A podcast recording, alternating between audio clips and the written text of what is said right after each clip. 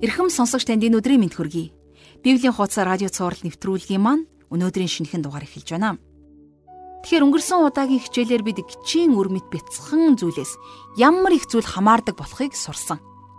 Бурхан том эсвэл жижиг гэж гимиг ялгадаггүй. Гим бол гим. Гим бидний амьдралд бузар мууг авчирдаг. Бурхан хизээч бузар мууг шийтгэлгүй орхидгүй. Хуурамч багш нарын дээр буух шийтгэлч гсэн зайлшгүй юм Үнийг батлахын тулд Петр хуучин гэрээн дээрх бурхны буулгасан шудраг шүүлтүүдийг иш татан дурдсан. Тэгэхэр гим нүгэл үйлдсэн тэнгэрлэгч нар ихч гимнүглэр дүүрэн байх ард түмнийг ч гэсэн Содом Гоморагийн завхаарал давтсан тэрхүү иргэдийг ч гэсэн бурхан шударгаар шүүж хатуу шүүлт ялгноосон. Гэхдээ бурхан энэ бүх шийтгэлийн дундаас өөрийнхөө зөвхт хүмүүсийг үргэлж авран хамгаалдаг байсан юм аа. Тэгэхээр яг үүний адил хожим нь бурхан шудрах шүлтээ энэ дэлхий дээр буулгахдаа өөрийн хүмүүс болох өөрийн хөвгүү тогтыг авран нүмерлэх болно. Бид өнөөдөр хамтдаа 2 дугаар Петр намын 2 дугаар бүлгийн 4, 5, 6 дугаар ишлэлийг хамтдаа уншиж судалж ярилцгаолно. Ингээд хичээлийн ихэнд энэ цагийг бурхан дөргөн хамтдаа залбирцгаая.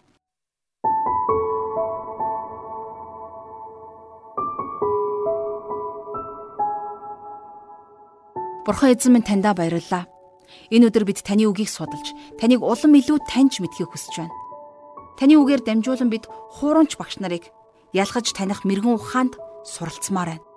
Та бидэнд өөрийн үгийг өгөөч. Чуулганыг хомхой хүслийн төлөө ашиглахыг оролддог. Тэрхүү хуурамч багш нарын дээр таны буулгах тэр шүүлт гарцаагүй гэдгийг бидэнд энэ цагт та сануулж өгөөч. Тэгэд өөрийнхөө хүмүүсийг тэрхүү бузар муугаас хамгаалan гитлгээч гэж гуйж байна. Тайвширлаараа та бидэнтэй хамт байх болтугай. Бүхний танд өргөж эзэн Есүсийн нэрээр залбирanгуйж байна. Амен. Ингээд хамтдаа жаргалах шийчээлд анхаарлаа хандуулъя. За хичээлийн 2 дугаар бүлгийнхаа 4 дугаар ишлэлээр өнөөдөр үргэлжлүүлье.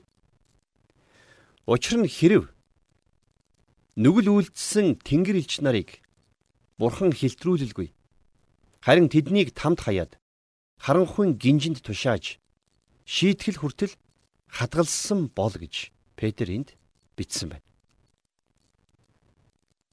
Библийн зарим багш нар энд гарч байгаа нүгэл үлдсэн тэнгэр элч нар гэдгийг Эхлэл номын 6 дугаар бүлэг дээр гарч байгаа үйл явдалтай холбож тайлбарладаг юм. А би бол хувьдаа энэтэй санал нийлэхгүй. Яагаад гэвэл Эхлэл номын 6 дугаар бүлэг дээр гарч байгаа Бурхны хөвгүүд гэдэг нь тэнгэр элч нар биш. Харин Бурханд итгэгч хүмүүс байсан гэж бид нар ойлгож болно. Яагад гэхлээр Эхлэл номон дээр Тэнгэр элчнэрийн тухай биш харин хүмүүсийн ургийн бичиг гардаг. Харин энд Сетийн удмын бурханлаг хүмүүс Каины удмын хүмүүстэй гэр бүл болж тийм ээ. А тэгээд улмаар дэлхийн ертөнц гим нүгэлд бүрэн автсан тухай өгүүлсэн байдаг. А тэгвэл Петр энд саяын бидний уншсан 4-р эшлэл дээр нүгэл үлдсэн тэнгэр элч нар гэж яг хэний тухай хэлсэн болов? За энэ талаар бол Библиэлд яг тодорхой зүйлийг өгүүлээгүй. А гэхдээ биднэрт хэсэг сэжүүрүүдийг өгсөн байдаг. Илч Юуда энэ талаар товчхон өгүүлсэн байдаг бол илчлэл номон дээр биднэрт энэнтэй холбоотой багсаг мэдээллүүдийг бас өгсөн байна. За бас дээрэс нь хуучин гэрээний хид хідэн иш үзүүлэгчид энэ талаар цохисгаан дурдсан байдаг. За тэгэхээр хүмүүсийг бүтээгдэхээс өмнө Бурхан Тэнгэр элчнэр болон бусад тэнгэрлэг биетүүдийг бүтээсэн байсан гэж үздэг. За ингээд тэдгээр тэнгэрлэгч нарын дотроос зарим нь бурхныг эсэргүүцсэн босч сатаныг дагсан гэж Библи судлаачид үздэг юм. За илчлэл номын 12 дугаар бүлгийн 7-оос 8 дугаар ишлэлээс харах юм бол байна. Тэнгэрт дайн болов. Михаил болон түүний тэнгэрлэгч нар луутай тулалдлаа. Луу болон түүний тэнгэрлэгч нар тулалдаад тэдэнд хүч дутсан бөгөөд тэдэнд тэнгэрт байх газар олдсонгүй гэж бичсэн байна. За тэгэхээр энд дурдгдсан луу гэдэг нь болохоор сатан буюу диавол юм. Сатанд энэ мэд маш олон нэр байгаа. Тэр бол хуурам мэхлэгч. Тэр анханасаа худал хуурамгийн эцэг байсан. Сатан бурхны эсрэг тэрслэн босч улмаар өөртөө олон тооны тэнгэрлэгч нарыг татсан гэж үздэг. Тэгэхээр Петрийн энд хэлснээс харах юм бол тэдгээр тэнгэрлэгч нараас зарим нь гинжлэгдэн хоригдсон болвол а зарим нь хараахан гинжлэгдээгүй болж таарч байна тийм ээ. Өнөөдөр энэ дэлхий дээр үйл ажиллагаагаа идэвхтэйгээр явуулж байгаа муу ёрийн сүнснүүд болвол тэдгээр сул чөлөөтэй байгаа тэнгэр элчнэр гэж үздэг. Өнөөдөр эдгээр ёрын муу сүнслэг хүч онцгой хүч чадлаар хүмүүсийг мунхруулан төөрөгдүүлсээр байна. Тэд нар хүнийг гайхан биширтэл нь гайхамшиг үзүүлэх чадaltaй. Харин бид нар нэг зүйлийг ойлгох ёстой. Хаа нэгтээ ямар нэгэн юр бишийн гайхамшигтай зүйл боллоо гэд тэр нь заавал бурхнаас ихтэй байх албагүй гэдгийг бид нар ойлгох хэрэгтэй. Сатан болон тэрний талынханд ч гэсэн сүнслэг хүч чадал байдгаа гэдгийг бид нар ойлгож зөвшөөрөх ёстой. Петрийн цааш нь үргэлжлүүлэн хэлэхдээ тэднийг тамд хаяад харанхуйн гинжинд тушааж шийтгэл хүртэл хадгалсан гэж хэлсэн байгаа биз? За тэгэхээр энд гарч байгаа там гэдэг үг бол их онцгой үг шүү. Шин гэрэн дээр там гэдэг энэ үг тэр болгон гараад байдаг. За энэ үг нь грекээр тартарус гэсэн үг байдаг. Тартарус. За энэ бол нас орсон хүмүүсийн очдог газраа гэсэн утгатай. Тэгэхээр энэ бол та бидний мэдих там биш. А бидний мэдих галт там одоогор хараахан ашиглалтанд ороогүй байгаа гэж хэлж болно. А хожим нь бурхан үгссэн амьд бүхнийг шүүх тэр үед там ашиглалтанд орно. Яг өнөөдөр бол сатан хараахан тамд хаягдаагүй байна. Петр өөрөө тэрний талаар өгүүлэхдээ сатаныг архирах арслан шиг олз болох нэгнийг хайж байдгаа гэж хэлсэн байгаа тийм ээ.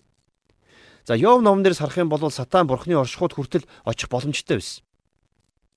А гэхдээ Петрийн өнөөдрийн энэ үгнээс харах юм бол Хэдийгээр сатан хараахан тамд хаягдаагүй байгаа боловч тэрний тэнгэрлэгч нарын нэг хэсэг нь гинжлэгдэн шийтгэлийн өдрөө хүлээж байгаа гэсэн үг. За энд гарч байгаа гинж гэдэг үг нь грекээр сейра гэсэн үг байдаг. Библийн олон судлаачид энэ үгсийг сейрос гэсэн үг байх ёстой гэж таамагладаг. А хэрвээ энэ үг нь сейрос болох юм бол харанхуйн гинж харин түнэр харанхуй нүх гэсэн утгатай үг болж хувирна гэсэн үг. Олон хүмүүс тамийг гал дүрлэлсэн газараа гэж үздэг л дээ. Харин би бол хувьдаа тамийг түнэр харанхуй газар гэж боддог. Гал болон харанхуй хоёр яаж нэг дор байхыг бол би сайн мэдэхгүй. Гэхдээ бурхан байхгүй тэр газарт гэрэл гэж байхгүй мэдээч. Та мөнхийн мөнхөд түнэр харанхуйд байна гэд бодоод үзтээ. За эцэст нь Петр тэдний тухай өгүүлэхдээ тэднийг шийтгэл хүртэл хадгалсан гэж хэлсэн. Өөрөөр хэлэх юм бол тэд нар хараахан шийтгэлээ хүртээгүй байгаа гэсэн үг тийм ээ. Харин цаг нь болоход тэд нар бүгдээрээ шийтгэгдэх болно. Бурхан тэдний гин буруутайг тогтоосон. Харин цаг нь болоход тэдний дээр шийтгэл буuna. За цааш нь Петр юу гэж өгүүлсэнийг 5 дугаар ишлэлээс хамтдаа харъя хуучны дэлхийг хилтрүүлэлгүйгээр харин сүсэг бишрэлгүйчүүдийн дэлхий дээр буулгахдаа зөвхт байдлыг тунхаглагч Новаг наймууланг нь хамгаалсан бол. За бидний дараа дараагийн үзэх хичээлүүдээрээ за жишээлх юм бол 2 дугаар Петрийн 3 дугаар бүлэг дээр 3 янзын дэлхийн тухай Петр дурдсан байдаг. Эдгээр нь хуучин дэлхий буюу өмнө нь байсан дэлхий. Одоо байгаа дэлхий за бас ирээдүйд бий болох шин дэлхий. За энд Петр хуучин дэлхий гэж хэлсэн байна тийм ээ. Энэ бол Новагийн үерээс өмнөх дэлхийн ертөнцийг өгүүлсэн ойлголт. Петр энд хэлэхдээ дэлхий дээр үер булгахдаа зөвхт байдлыг тунхаглагч Новаг наймууланг нь хамгаалсан гэж бичсэн байна. За өөрөөр хэлэх юм бол Новагийн хөвгч бүхээг нь дотор Новагаас гадна 7 хүн байсан гэсэн үг. За тэдгээр нь бол мэдээж Новагийн эхнэр, за тэрний 3 хүү болон бэрүүд нь байсан. Тэд нар бүгдээрээ энэ дэлхий дээр Бурхны буулгасан усан галваас амьд үлдсэн юм.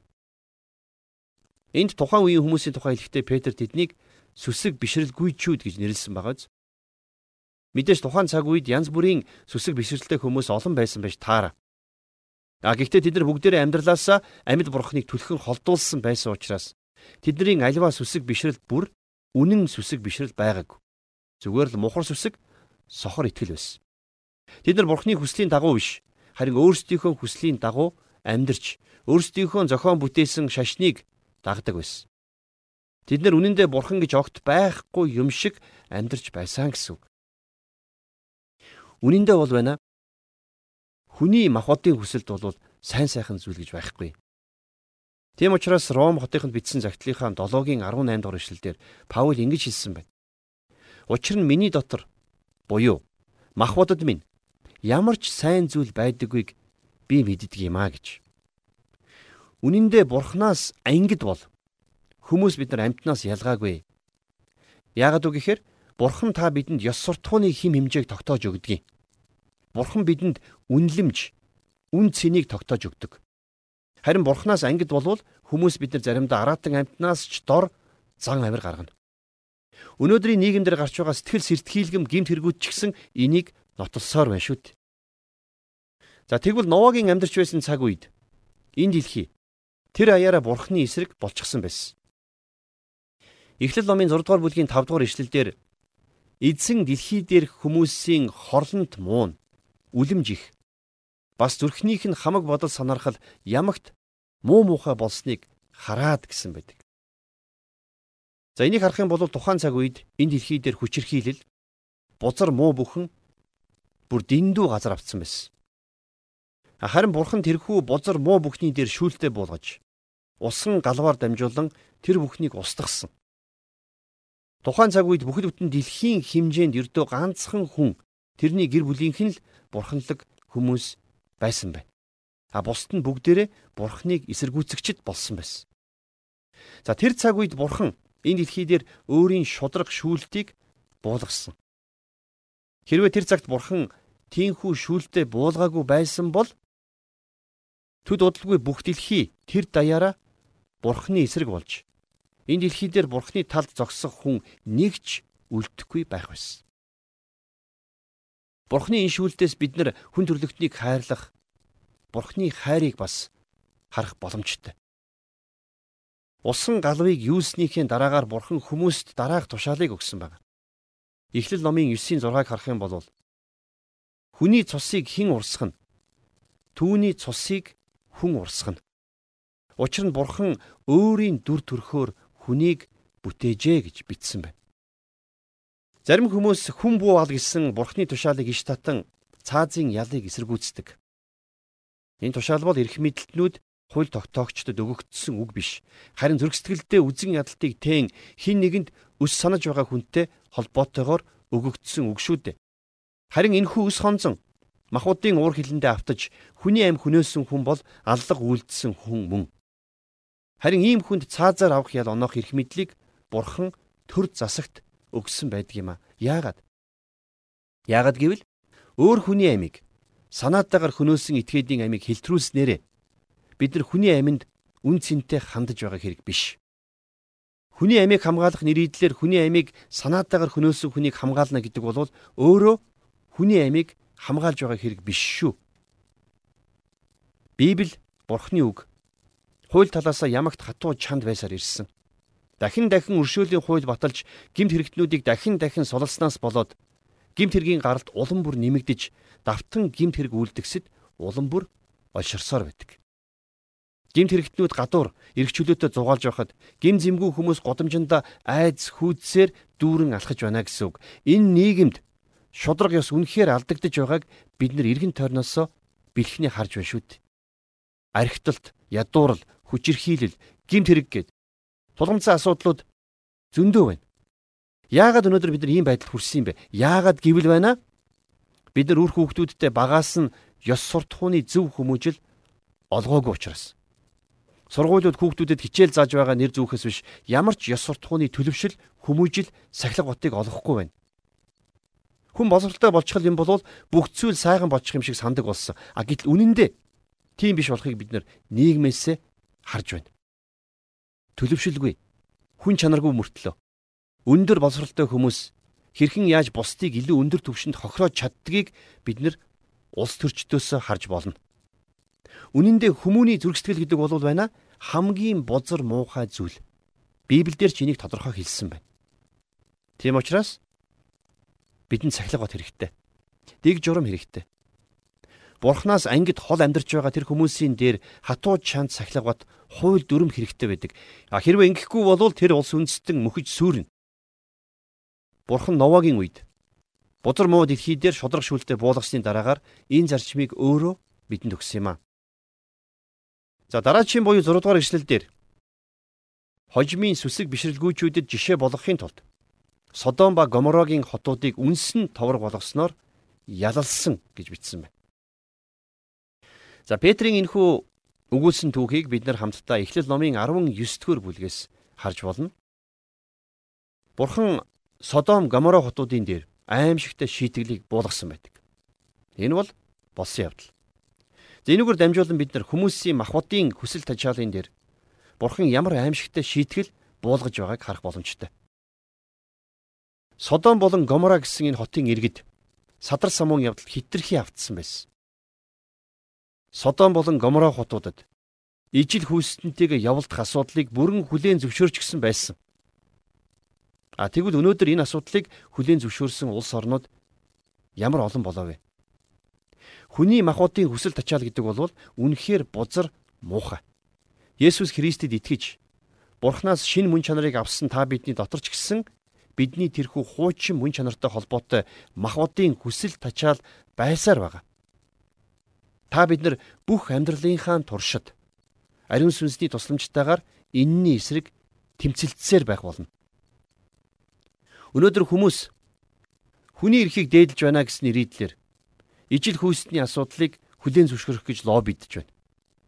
Харин Библиэлд шулуухан хэлэхдээ хэрвээ хүн ижил хүйстэнтэйгээ явуулдах хүртлээр доройтон ялзарсан бол Бурхан тэр хүнийг зөнд нь хаях болно гэсэн байдаг. Энэ талаар Ром номын 1-р бүлгийг уншаарай.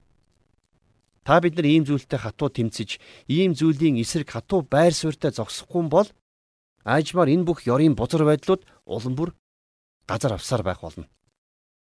Тийм учраас итгэгчид та бид нар Библийн дагуу альва бузар муу гим нүглийн эсрэг бат зогсож хизээч эвлэршгүйгээр тэмцэж өөрийн байр суурийг үн цэнэ илэрхийлдэг байх ёстой юм аа.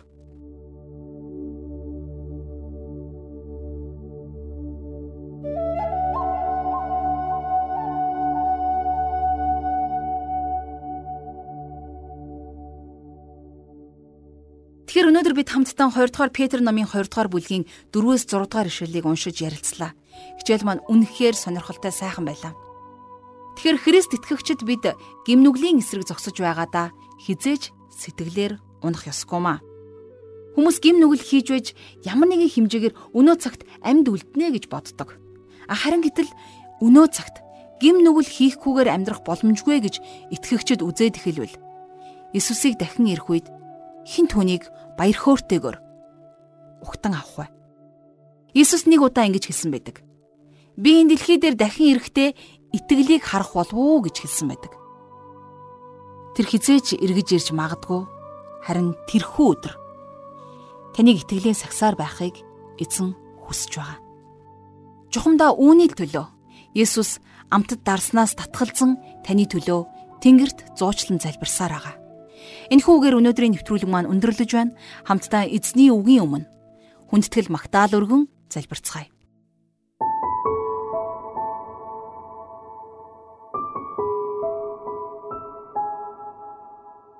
Бурхан аав минь таньдаа баярлалаа.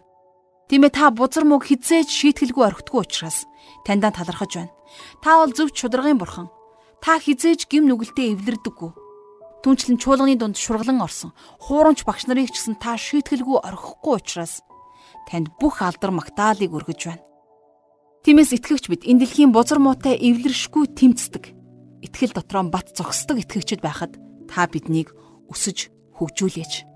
Таны үгтээ өдөр бүр ойр байж, таны үгээр хүчрхэгжин тэнхээчгэд, таны үгээр хөтлүүлэн замчлахад ариун сүнсээрээ бидэнтэй хамт байгаарай бүхнээ танд өргөж эзэн Есүсийн нэрээр залбирanгуйж байна. Амен.